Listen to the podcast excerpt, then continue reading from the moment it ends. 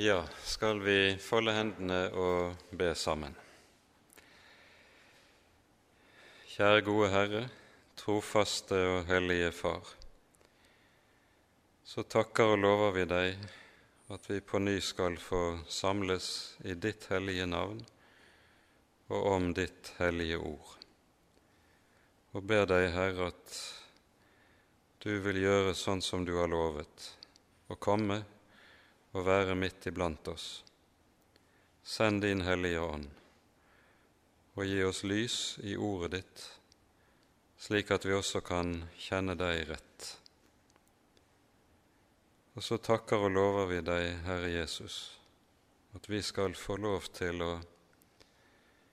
ha et hjem i din kirke på jorden, fordi du er synderes venn og fordi du, Herre, rekker oss syndenes forlatelse for ditt eget navns skyld. Amen.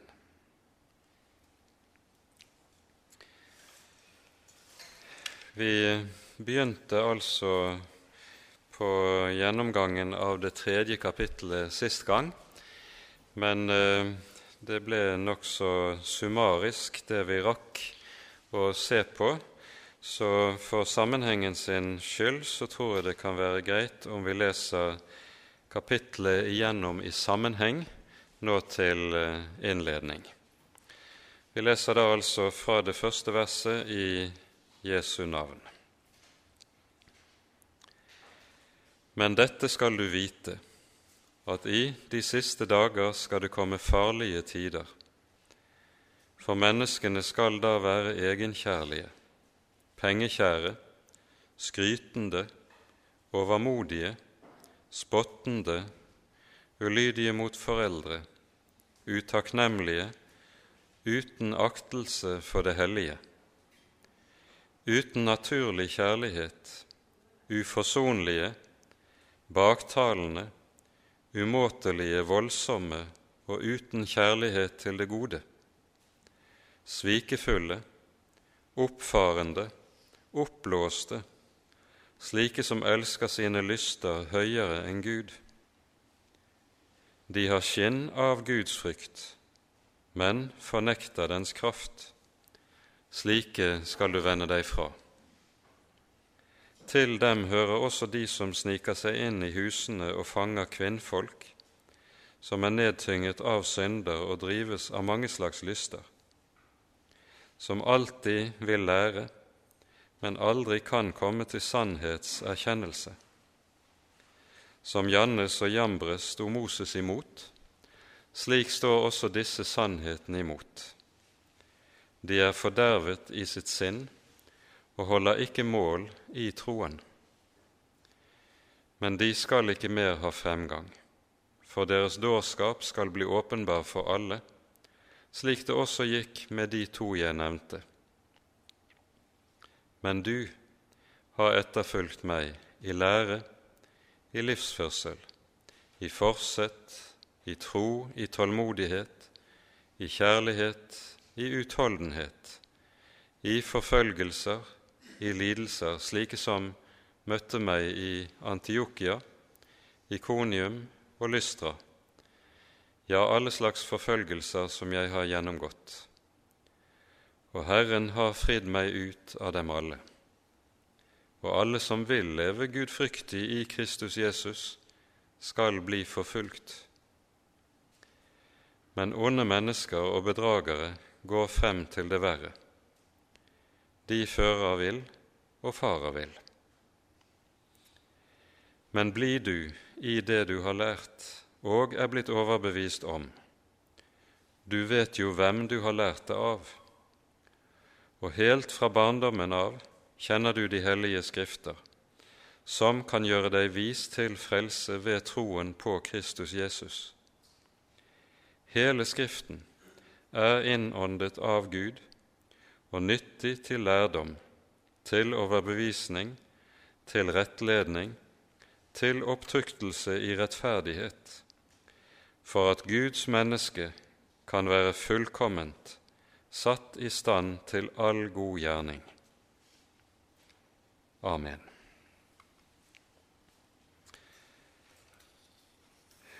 Dette kapitlet som vi nå har lest sammen, kan inndeles i tre hovedavsnitt. Det første avsnittet strekker seg fra vers 1 til 9, der vi hører apostelen tale om det som skal kjennetegne de siste tider. Dernest hører vi fra vers 10 av frem til og med vers 14 og 15 Paulus taler om eh, Timotius' etterfølgelse, hvorledes Timotius har etterfulgt Paulus som sin lærer. Og så til slutt eh, Kapitlet avsluttes med et avsnitt som taler om Den hellige skrift, og hva Den hellige skrift er, og hva som kjennetegner Den hellige skrift, i det Skriften er Guds ord. Og Sammenhengen i dette er jo ikke tilfeldig, fordi det jo er slik at det andre kapittelet eh, siste delen av det andre kapittelet, der tales det om de vranglærere som opptrådte i menigheten, i menighetene i Lille Asia og også i Efesos. Vi har så vidt vært inne på disse. Det er tydelig at de hører med til den gnostiske retning, som vi har ganske kort beskrevet tidligere Eh, og det som kjennetegnet, jo kjennetegnet gnostisismen, var dens fornektelse av skapelsen. Eh, en mente at den materielle eller fysiske verden ikke var skapt av Gud, men tvert om skapt av den gudfiendtlige makt, altså av djevelen, og Derfor var alt som hørte det skapte til, noe som mennesket skulle vende seg fra.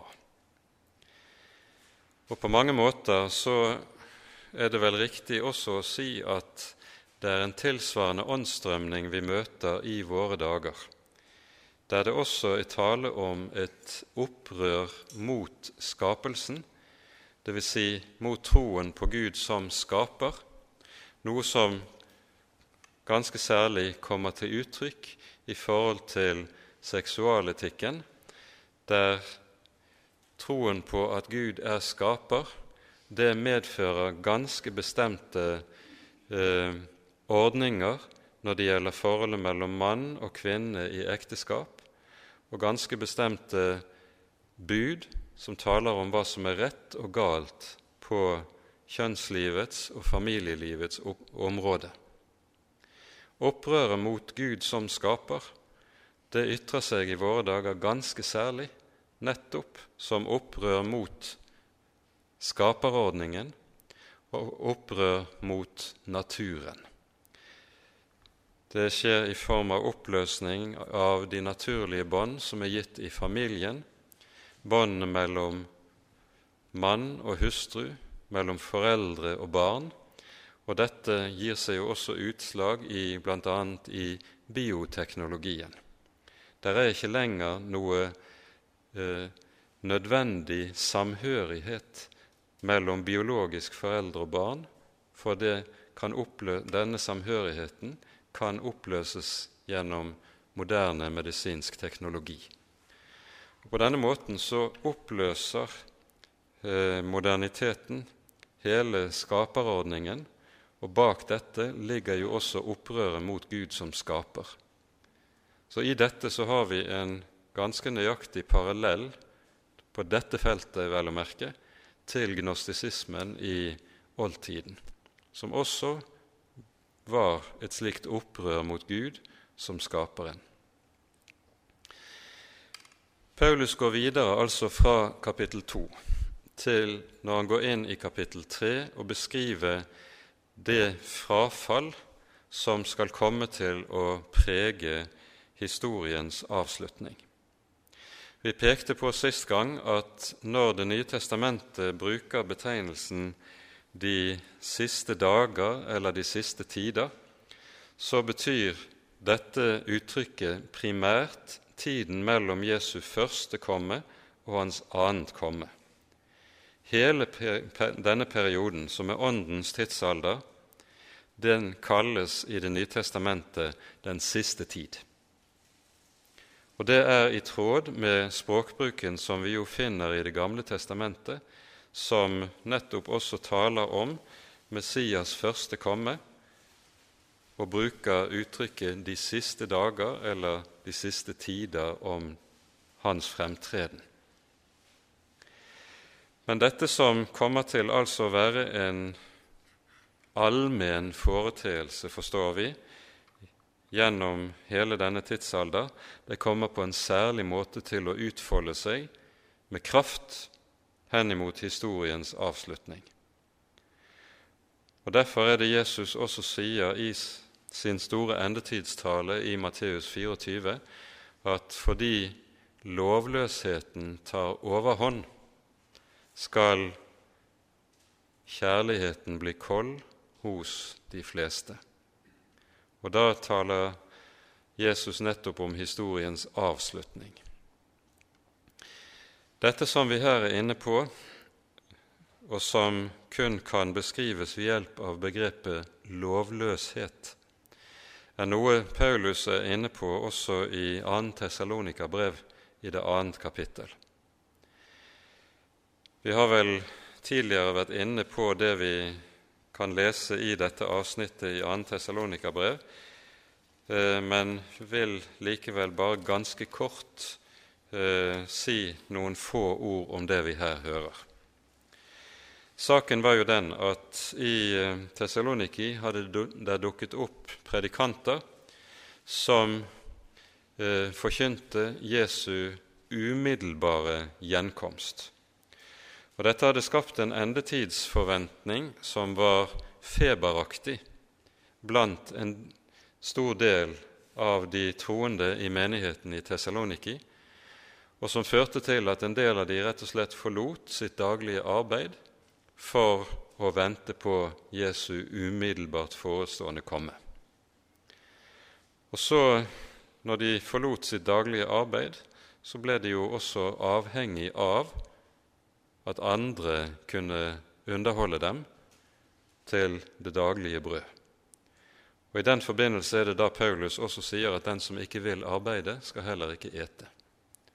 Den slags endetidsforventning overåndelighet som fører til at folk ikke vil arbeide, den skal eh, tuktes på denne måten som Paulus her beskriver. Den som ikke vil arbeide, skal heller ikke ete. Eh, for her er det tale om en overspent åndelighet som ikke svarer til den sunne tro som vi hører om i Det nye testamentet. Så er det da Paulus i denne anledning skriver eh, kapittel 2 i 2. Eh, Tessalonika-brev og minner menigheten om det han tidligere har undervist dem om når det gjelder disse ting. Og han sier fra vers 2.: La dere ikke så snart drive fra vett og sans. La dere ikke skremme, verken ved noen ånd eller ved noe ord eller ved noe brev som sies å komme fra oss som går ut på at Herrens dag allerede er her. La ingen bedra dere på noe vis, for først må frafallet komme, og lovløshetens menneske åpenbares, fortapelsens sønn. Apostelen sier altså at det er bestemte saker som skal opptre i historien før Jesu gjenkomst. Og disse hadde enda ikke dukket opp, slik Paulus taler om det.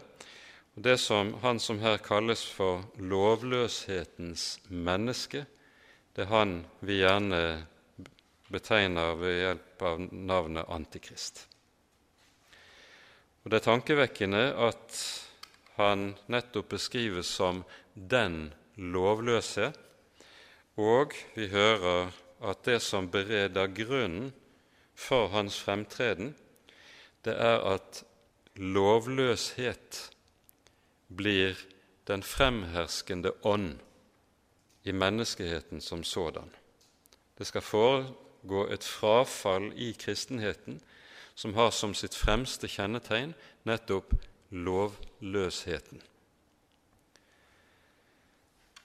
Dette taler Paulus så videre om her i kapittel 2 i Tessalonika-brevet, og det er nettopp begrepet lovløshet som kan stå der som selve overskriften over det Paulus taler om i 2. Timotius 3.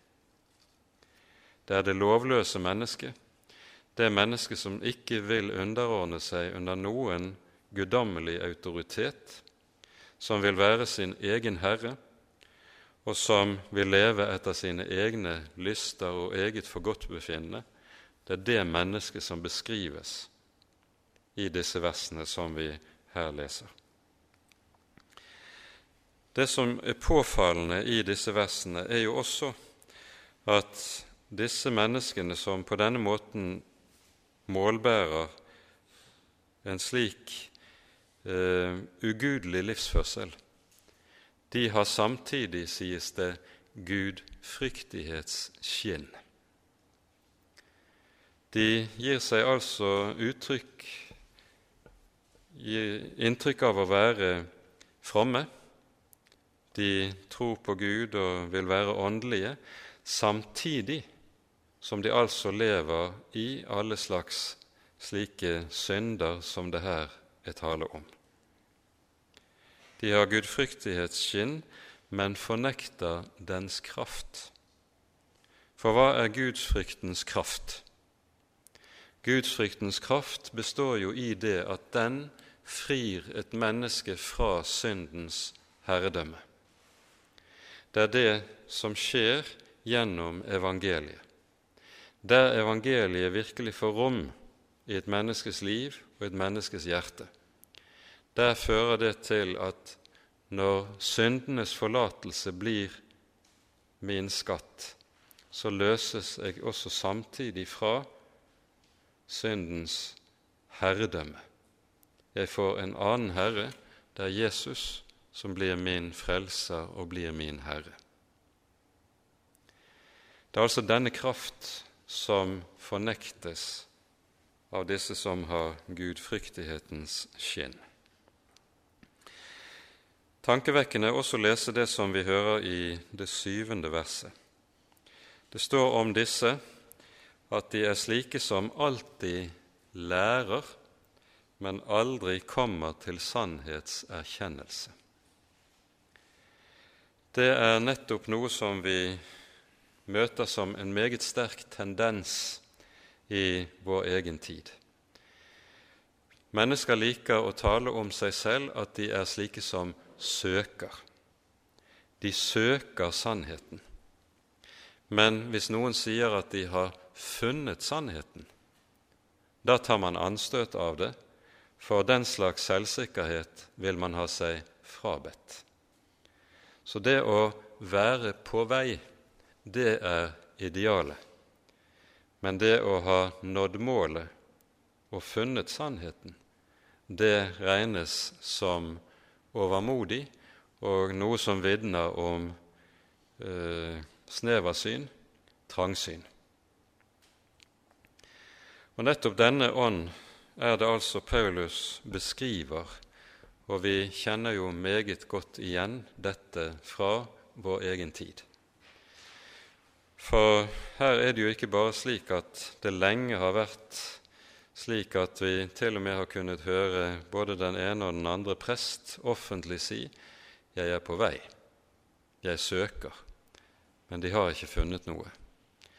Men mer og mer er jo dette blitt et tydelig uttrykk for hele den postmoderne strømdraget som dominerer vår kultur og som nettopp har det med seg at det fornekter at sannhet overhodet finnes i absolutt forstand.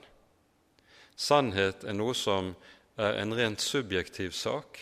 Du har din sannhet, jeg har min sannhet, men hvem vet? Det er ingen som kan si at noe er absolutt sant, og noe annet er absolutt usant eller urett. Ja, sågar er det slik at enkelte av de postmoderne filosofene hevder at det å si at noe er rett og noe annet er galt, det er uttrykk for overgrep, det er maktmisbruk overfor andre mennesker. For slik rett har ingen til her i verden. Tvert om er det slik at hvert enkelt menneske selv skal finne sin uh, vei og ha autoriteten, øverste norm, i sitt eget hjerte. Mot dette lærer Bibelen oss meget tydelig hvem Herren er. Gud er Gud, og du og jeg er mennesker. Og Derfor er vi slike som står under Den allmektige. Derfor er vi slike som en dag skal svare regnskap for våre liv. Men nettopp denne sannhet, at Gud er dommeren som også vil kreve oss til regnskap på den siste store dag, nettopp den sannhet er det kanskje av, noe av det som det moderne mennesket mest av alt reagerer på. Det moderne mennesket ønsker seg en Gud som klapper seg på skulderen og sier 'du er ok, du er en grei kar', og derfor skal du få komme inn i min himmel. Og en slik Gud som aksepterer alt, som er minst like tolerant som uh, humanismen ellers er, det er en slik Gud man vil ha. Og På denne måten så lager man seg Gud i sitt eget bilde mens Bibelens Gud og det bibelske gudsbildet blir noe som blir uakseptabelt i dette åndsklimaet. Jeg tror vi kjenner godt hvordan klimaet er, alle sammen. Og dette kommer bare til å vokse seg stadig sterkere. Et trekk som vi videre også skal eh, legge nøye merke til, i disse versene, det er det som Paulus så kommer med i vers 8, når han taler om Jannes og Jambres. Dette er to navn som vi ikke ellers uh, møter i Bibelen, uh, men i jødisk tradisjon var dette navnene på faraos trollmenn, som når Moses gjør de første tegnene i forbindelse med at han kommer til farao og sier 'La mitt folk fare' på Herrens vegne, så gjør han jo bestemte tegn, og vi hører at faraos trollmenn gjør det samme. De er altså slike som etterligner Guds undergjerninger, og derfor fordi de er i stand til dette, så blir deres etteraping av de guddommelige tegn, de guddommelige mirakler, noe som forhindrer troen på Moses' budskap og på Moses' sendelse. Og Dette skjer jo, hvis vi leser i Andre Mosebok, så hører vi dette skjer ved tre anledninger i kapittel 7 og kapittel 8. Men når vi kommer til det fjerde av de ti landeplagene som eh, skal ramme, kommer til å ramme Egypten, så hører vi det står i kapittel 8 fra vers 17 Moses slår med sin stav i støvet på jorden, og det kom mygg på folk og fe. Og så følger det i vers 18.: Spåmennene gjorde det samme med sine hemmelige kunster. De forsøkte å få mygg frem, men greide det ikke, og myggen ble sittende på mennesker og dyr. Da sa spåmennene til farao, Dette er Guds finger. Altså, når de ikke lenger var i stand til å etterape tegnene som Herren sendte, da var de avslørt, og de måtte selv innrømme hva som var saken. Dette er Guds finger. Nå kan vi spørre hvorfor nevner apostelen dette i denne sammenheng? Det er jo en sammenheng hvor det taler om lovløshetens hemmelighet, og det er en sammenheng hvor det taler om vranglæren som vi hører om i avslutningen av kapittel 2. Og Da er jo saken den at den Timotius som Paulus nå skriver til, han oppholder seg i Efesos. Og Efesos var en by som var kjent ikke minst for sin svarte kunst, for trolldom, for det vi i dag eh, benevner med en sekkebetegnelse 'det okkulte'. Dere vil kanskje huske at vi hører i eh, det 19. kapittelet i eh, apostlenes gjerninger om når Paulus eh, virker i Efesos, så står det her i vers 11 og Gud gjorde helt uvanlige kraftgjerninger ved Paulus' hender. Og Så berettes det nedenfor dette om noen jødiske åndemanere som reiser etter Paulus og prøver å etterligne noen av Paulus' undergjerninger. Disse blir til skamme. Vi leser ikke hele avsnittet. Eh, og så står det fra vers 17 følgende.: Dette ble da kjent for alle dem som bodde i Efesos, både jøder og grekere, så det kom frykt over dem alle, og Herren Jesu navn ble lovprist. Mange av dem som var blitt troende, kom og bekjente og fortalte hva de hadde drevet med. Og hva var det de hadde drevet med? Jo, det står i neste vers. Ikke få av dem som hadde drevet med trolldomskunster, bar sammen bøkene sine og brente dem opp for alles øyne. Og de regnet ut verdien av dem og fant ut at den var 50 000 sølvpenger. Slik hadde Herrens ord stor fremgang og fikk makt.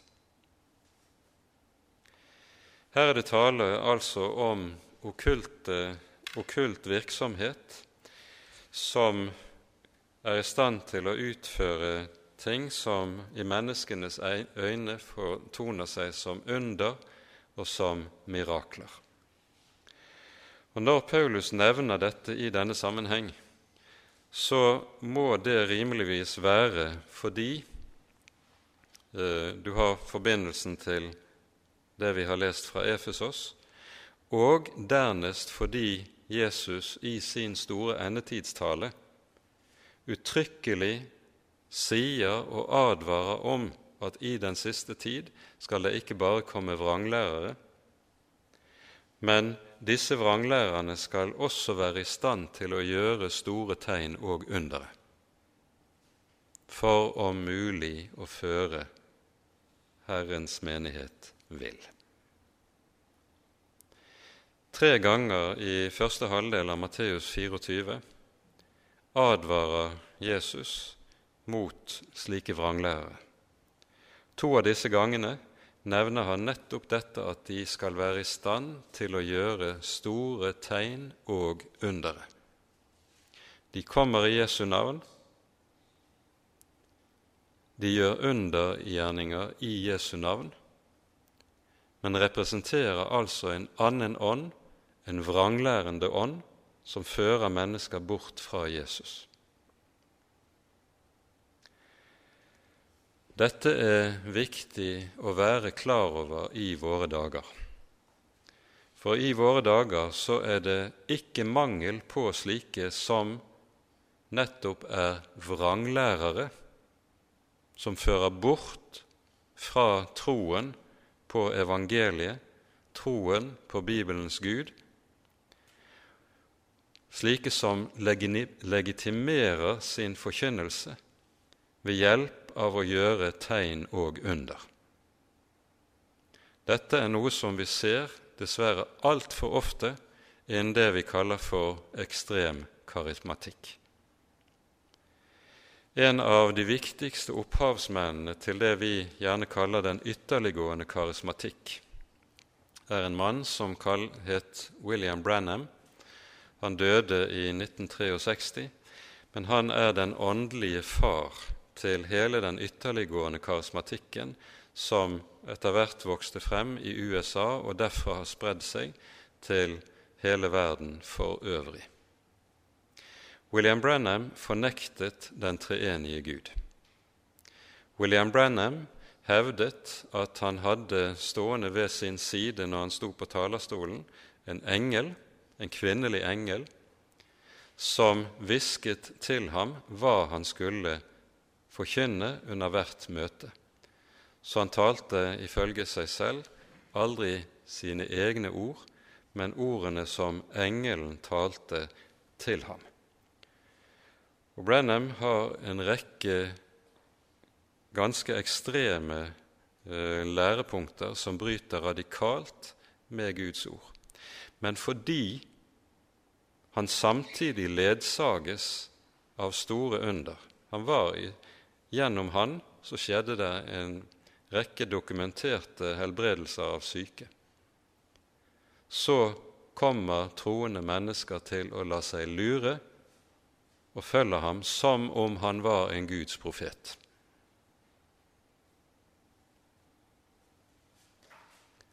Fordi enfoldig troende tenker at skjer der under, så må det jo være Guds finger. Bibelen lærer oss noe ganske annet. Og Dette er noe som det tales om allerede i Mosebøkene, og jeg tror vi skal ta oss tid til å lese dette ene avsnittet fra 5. Moseboks 13. kapittel.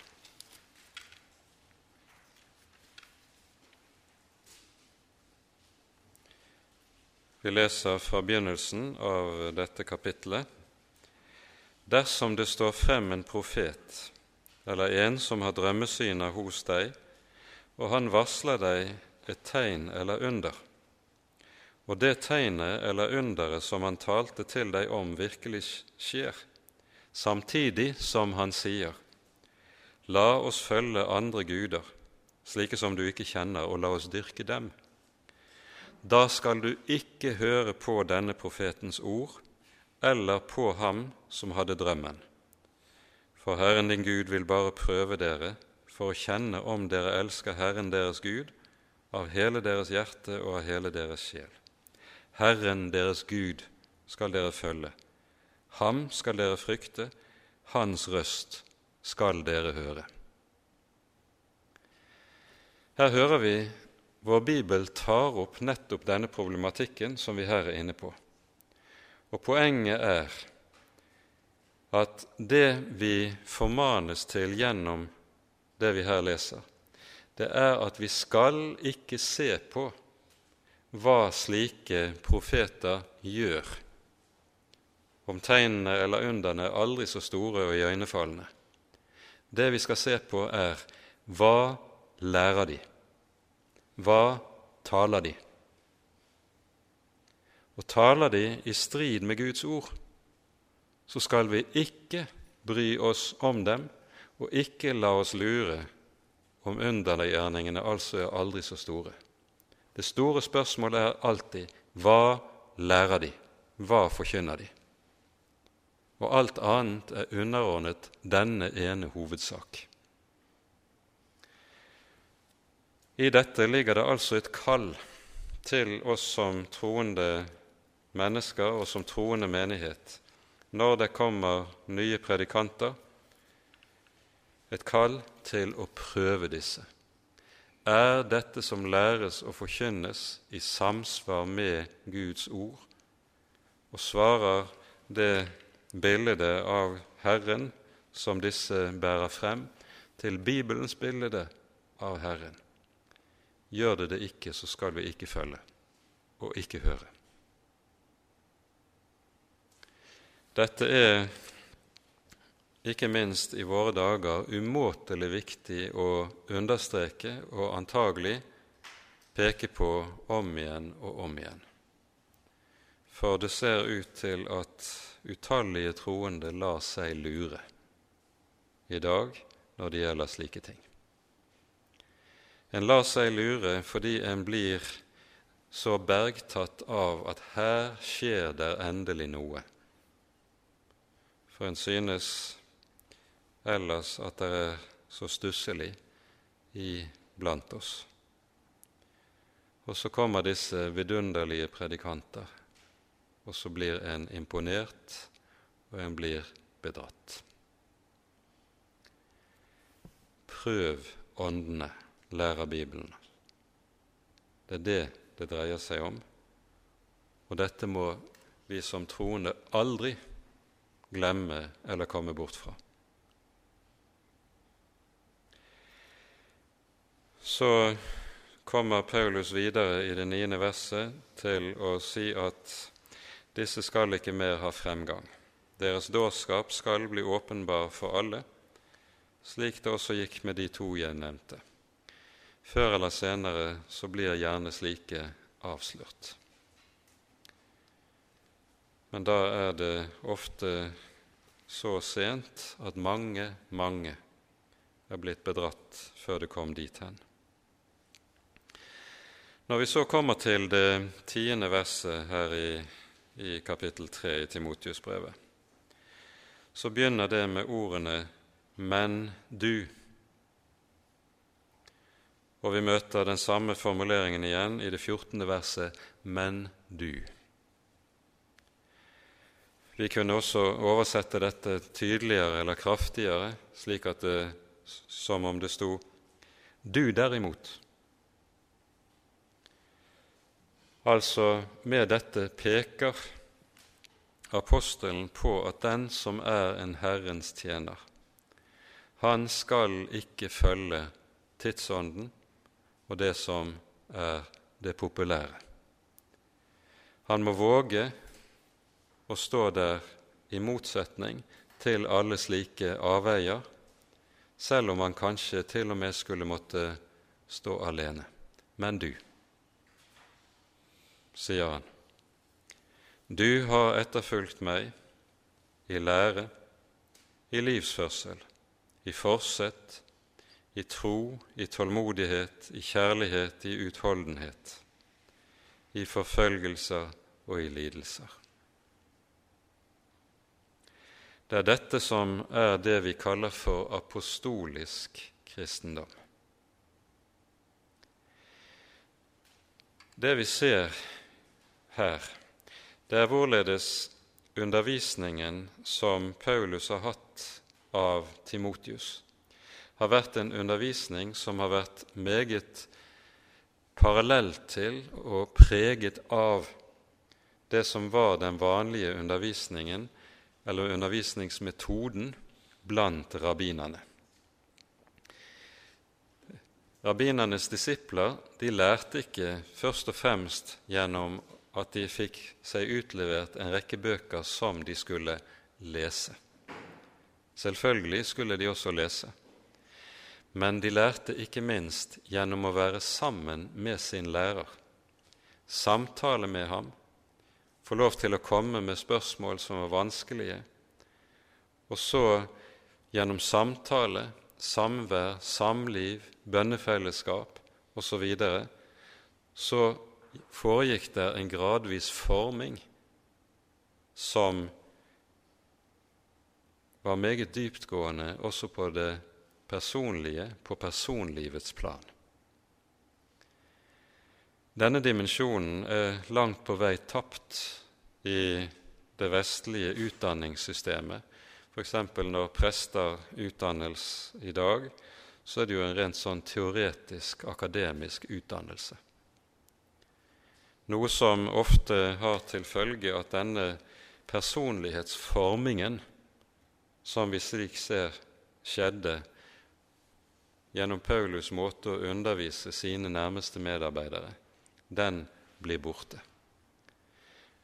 Mens vi forstår samtidig også at denne forming og dannelse av personligheten, den var uhyre viktig med tanke på den tjenesten som Timotius skulle inn i når så langt kom. Du har etterfulgt meg. Apostolisk kristendom det er nettopp å etterfølge Herrens apostler i lære. Legg merke til at det er det første Paulus nevner her. Og Når han nevner dette som det første, så er jo det med tanke på det vi har hørt i det foregående når det gjelder vranglæren og avviket fra Guds ord. Du har etterfulgt meg i lære. Og så Det var ikke noe blått og bart teoretisk, akademisk, men det står også i livsførsel. Liv og lære hørte uløselig sammen. Og nettopp dette var en uhyre viktig hjelp for disiplene av, hos sine lærere i denne sammenheng når de fikk være sammen. Så fikk man så å si en anskuelsesundervisning i nettopp dette, hvordan liv og lære hører uløselig sammen i forsett, i tro, tålmodighet, kjærlighet og utholdenhet. Vi behøver ikke gå inn på hvert enkelt av disse begrepene, men går videre til det ellevte verset, der vi møter en viktig sak, antagelig noe som har gjort dypt inntrykk på Timotius. Vi hører han si i forfølgelse, i lidelser, slike som møtte meg i Antiokia, Ikonium og Lystra, ja, alle slags forfølgelser som jeg har gjennomgått. Leser vi apostelgjerningene det 13. og 14. kapittel, så hører vi i disse kapitlene om hvorledes Paulus på sin første misjonsreise nettopp besøker dette området, Pisidia, i dagens Tyrkia, hvor byene Antiokia, Ikonium og Lystra ligger relativt nær hverandre. Og Vi hører bl.a. at Paulus steines i Lystra. Og når mobben tror at de har gjort ende på ham, slenger de han fra seg i en grøft utenfor byen og lar ham ligge, men han våkner til live igjen og styrker menigheten før han forlater byen. Lystra var Timotius' hjemby. Og Når vi hører Paulus på sin annen misjonsreise, som beskrives fra apostelgjerningene kapittel 16, hører Paulus da komme til Lystra for annen gang. Da møter han en ung mann i menigheten der som har godt vitnesbyrd av alle de troende. Det er Timotius og han tar Timotius med seg. Hvor mange år som har gått imellom første og andre besøket i Lystra, vet vi ikke. To eller tre år, kanskje. Men eh, antagelig har Timotius vært vitne til hva Paulus har vært utsatt for for evangeliets skyld. Og han har sett både hva troen på evangeliet kan medføre for risiko, og samtidig har han ikke latt seg skremme av den motstand og det hat som han har sett følge evangeliet. Men tvert om, troen har fått fotfeste, han er blitt Jesu disippel og blir så også Paulus' følgesvenn. Det ligger noe veldig tankevekkende i nettopp dette som vi her ser. Og Derfor er det altså Paulus også kan si du har etterfulgt meg i forfølgelse og lidelser, slike som møtte meg i Antiokia, Ikonium og Lystra, ja, alle slags forfølgelser som jeg har gjennomgått. Herren har fridd meg av dem alle. Timotius har sett hvordan Herren midt igjennom alt dette har holdt Paulus oppe. Og så kommer konklusjonen. Alle som vil leve gudfryktig i Kristus Jesus, skal bli forfulgt. For Jesus har jo sagt det tydelig en tjener er ikke større enn sin herre. Har de forfulgt meg, skal de også forfølge dere. Har de hatet meg, skal de også hate dere. Jesus forbereder i det 15. og det 16. kapittelet i Johannesevangeliet sine disipler på hva som ligger foran.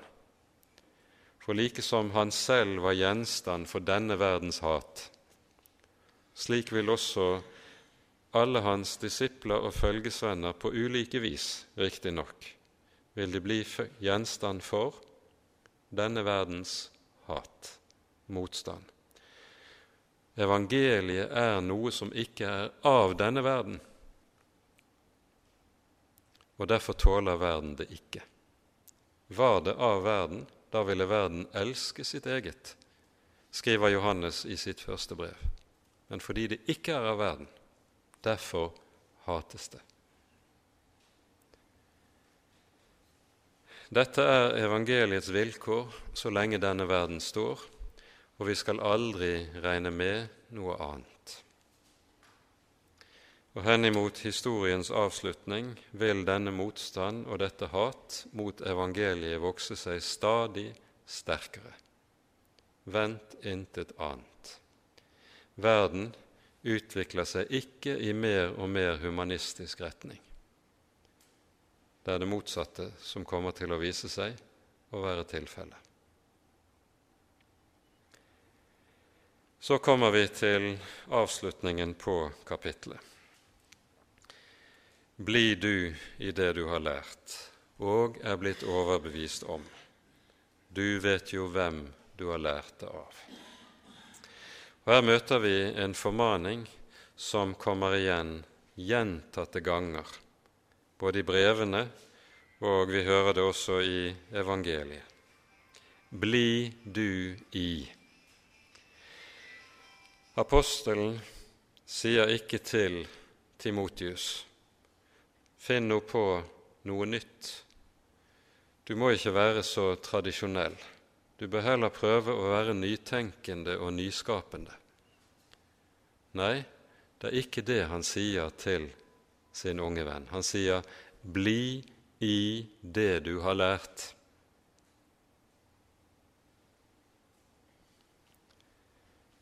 for det er der livet ligger. Og Her må vi minne om et par vers fra Johannesbrevene. Først fra 1. Johannes brev, 2. kapittel, vers 24. Her skriver Johannes slik til menighetene. La det som dere har hørt fra begynnelsen, bli i dere.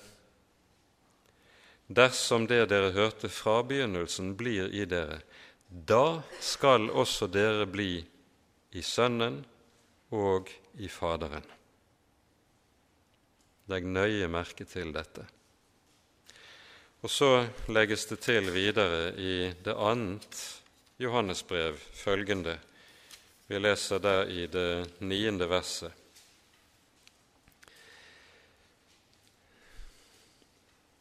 Vær den som slår inn på avveie og ikke blir i Kristi lære, har ikke Gud.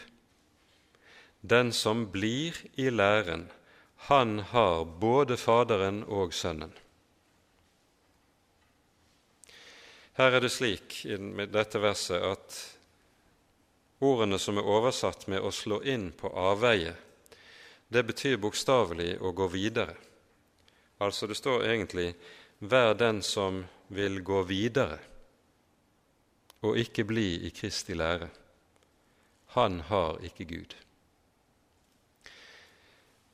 Og Nettopp dette er jo noe av det som vi ganske så ofte hører vranglærere av ulik merke motivere sine, sitt budskap med.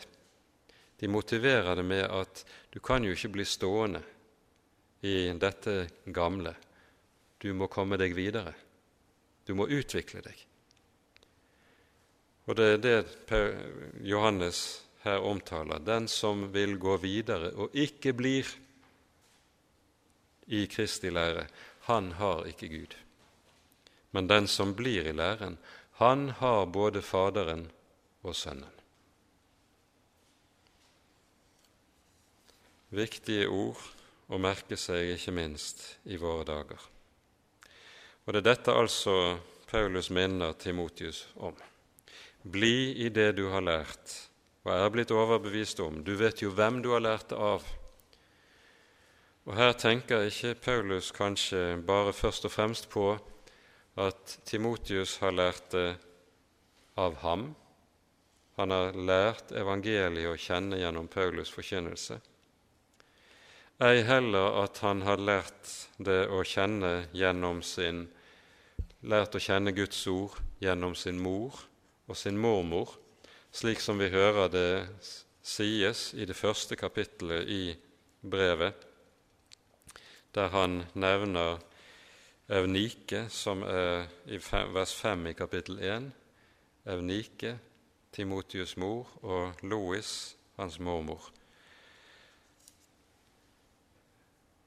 Fra barndommen av kjenner du de hellige skrifter, som kan gjøre deg vis til frelse ved troen på Kristus Jesus. For det som dypest sett er hemmeligheten i dette, du vet hvem du har lært det av, det er at når Timotius er lært av Skriftene, da er han lært av Gud. Jesus taler jo om dette i Johannesevangeliets sjette kapittel, der han viser til et løfte hos profeten Jesaja. De skal alle være lært av Gud, sies det der. For saken er jo den, hemmeligheten er den, at det å la seg lære av Skriften, å befinne seg på Skriftens fang, det er å la seg lære av Herren selv. Du vet hvem du har lært det av. For Skriften er altså ikke bare menneskeord, den er noe langt mer. Og Derfor er det kapittelet avsluttes sånn som vi hører det. Den hele Skrift er innåndet av Gud og nyttig til. Vi forstår av sammenhengen her at det Paulus taler om, det er Det gamle testamentet. Det gamle testamentet var den hellige skrift for de første kristne. Og vi merker oss at slik Paulus omtaler Det gamle testamentet, så sier han at Det gamle testamentet kan gjøre vis til frelse, nemlig ved troen på Jesus Kristus. Det gamle testamentet peker frem imot Herren Jesus og blir oppfylt i hans fremtreden, i hans person, i hans gjerning. Og hensikten med Skriften er gitt nettopp med dette. Skriftens hensikt er nettopp at det gir en slik visdom som fører til frelse. Skriftens formål er dette. Det er evighetens bok som hjelper oss til å finne livet, det evige liv frelsen. Og Når Skriften gjør dette, så er det fordi den er Guds ord. Hele Skriften er innåndet av Gud, sier Paulus. Og så må vi minne om på ny at Det nye testamentet kommer ikke med noe nytt i forhold til Det gamle testamentet. Det er mange mennesker som tror at Jesus sånn sett kommer med noe nytt. Det gjør han ikke. I stedet er det slik som Paulus sier meget tydelig i sine forsvarstaler i apostelgjerningene. I apostelgjerningene 24 f.eks. hører vi Paulus når han har sin første forsvarstale for landshøvdingen Felix, så sier han i vers 14 i apostelgjerningene 24.: Det vedgår jeg for deg, at etter den vei som de kaller en sekt, tjener jeg således våre fedres Gud at jeg tror alt som står skrevet i loven og profetene. Paulus beskyldes for å representere en sekt, altså å komme med en forkynnelse som avviker fra Skriften, kommer med noe i tillegg til Skriften, altså Det gamle testamentet. Til dette svarer han det er langt fra tilfellet. Tvert om, hele min tjeneste, hele min forkynnelse, dreier seg ikke om noe annet at jeg tjener Herren min Gud, således at jeg tror alt som står skrevet. Evangelieforkynnelsen er intet annet enn en utleggelse av og en stadfestelse av Skriftene i Det gamle testamentet. I den neste forsvarstalen som vi så hører i Nei, unnskyld, den tredje forsvarstalen som så kommer i kapittel 26, så leser vi sånn i vers 22 og 23. Her vitner Paulus og sier følgende.: Så har jeg da fått hjelp av Gud, og står til denne dag og vitner både for liten og stor. Og jeg sier ikke noe annet enn det profetene og Moses har sagt skulle skje, nemlig at Messias skulle lide, og at han som den første av de dødes oppstandelse skulle forkynne lys for folket og for hedningene. Vi merker oss Paulus sier 'Jeg sier ikke noe annet' enn det profetene og Moses har sagt skulle skje. Med dette så ser vi hvorledes både Paulus, og går vi inn i evangeliene, Jesus, stadfester Skriften i Det gamle testamentet. Og Derfor er det Paulus kan si den hele Skrift er innåndet av Gud. Det vil si, Gud har blåst sin hellige ånd inn i Skriftene på en slik måte at når Skriftene ble til, så har vi full dekning for å si at Den hellige Skrifts egentlige forfatter er Gud selv. Så brukte han Paulus' hånd, Johannes' hånd, Matteus' og Moses' hånd. Ja vel. Men det tar intet bort fra det som er det grunnleggende, at Skriften er Guds ord, og det å høre Skriften er å høre Guds egen røst. Skriften er i sin tilblivelse inspirert av Guds hellige ånd. Men inspirasjonen handler ikke bare om Skriftens tilblivelse. Inspirasjonen handler også om det som er vel så viktig, nemlig at dette ord også er bærer av Den hellige ånd, slik at det mennesket som hører Skriften, lytter til Skriftens ord, han blir også gjenstand for Den hellige ånds gjerning, så sant han hører. For Ånden virker gjennom Ordet, Ånden bruker Ordet. Den hele Skrift er innblest av Gud, innåndet av Gud. Gud har blåst sin hellige ånd inn i Den hellige Skrift. Derfor er Skriften Den hellige ånds bok som er et uttrykk som Luther bruker når han taler om Bibelen. Og Luther får sågar til i en sammenheng også til å si at Skriften er Den hellige ånds inkarnasjon.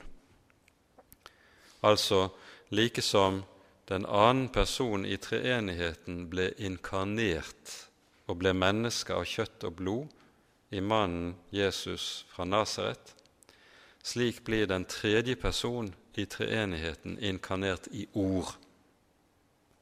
Ånden har kledd seg i ord, slik at vi møter Ånden gjennom Ordet. Og, vel å merke, vi møter aldri Ånden noe annet sted. Kjennetegnet på alt det som kalles for svermeri, er at man tenker at Den hellige ånd kommer til oss uavhengig av og løsrevet fra Ordet, fra Guds ord. Altså man etablerer et skille mellom Guds ord og Ånden. Til det er det å si at det Gud har sammenføyet, skal mennesker ikke adskille. Ånden og Ordet hører uløselig sammen. Og Derfor er det vi også kan ha den tillit til Bibelen som vi har, at hele vårt liv kan trygt hvile på Bibelens ord. Og Derfor er det vi også sier når vi leser fra Den hellige Skrift i Kirkens gudstjeneste, så innledes lesningen med denne hellige lektsie, dette hellige evangelium, denne hellige epistel, for nettopp det at Skriften er Guds ord, bærer av Den hellige ånd, er det som gjør at Skriften er hellig, til forskjell fra alle andre ord. Og Skriftens hellighet skal lære oss på ny og på ny når vi står i møte med dette ord, det samme som Moses måtte lære da han sto foran tårnebusken, og Herren sa til ham:" Dra din sko av din fot, for det sted du står på, er hellig grunn. For når vi hører Skriften, så hører vi Han som er den hellige tale, og vi står for Hans ansikt. Det er det som det innebærer å ha Hellig Skrift, og at Skriften er inspirert av den levende Gud. Derfor skal det at vi eier dette ord, Den hellige Skrift, være den største kilde til takknemlighet for den kristne menighet. For gjennom dette ord trer den levende Gud frem for oss, slik at vi kan kjenne ham som den han er. Vi kan kjenne ham som den han er. Tenk det. En dag skal vi også se ham som den han er. Se ham ansikt til ansikt. Det kan vi ikke her i tiden. Men her i tiden kan vi kjenne ham som den han er, fordi han har talt. Ære være Faderen og Sønnen og Den hellige ånd, som var og er og være skal en sann Gud, høylovet i evighet. Amen.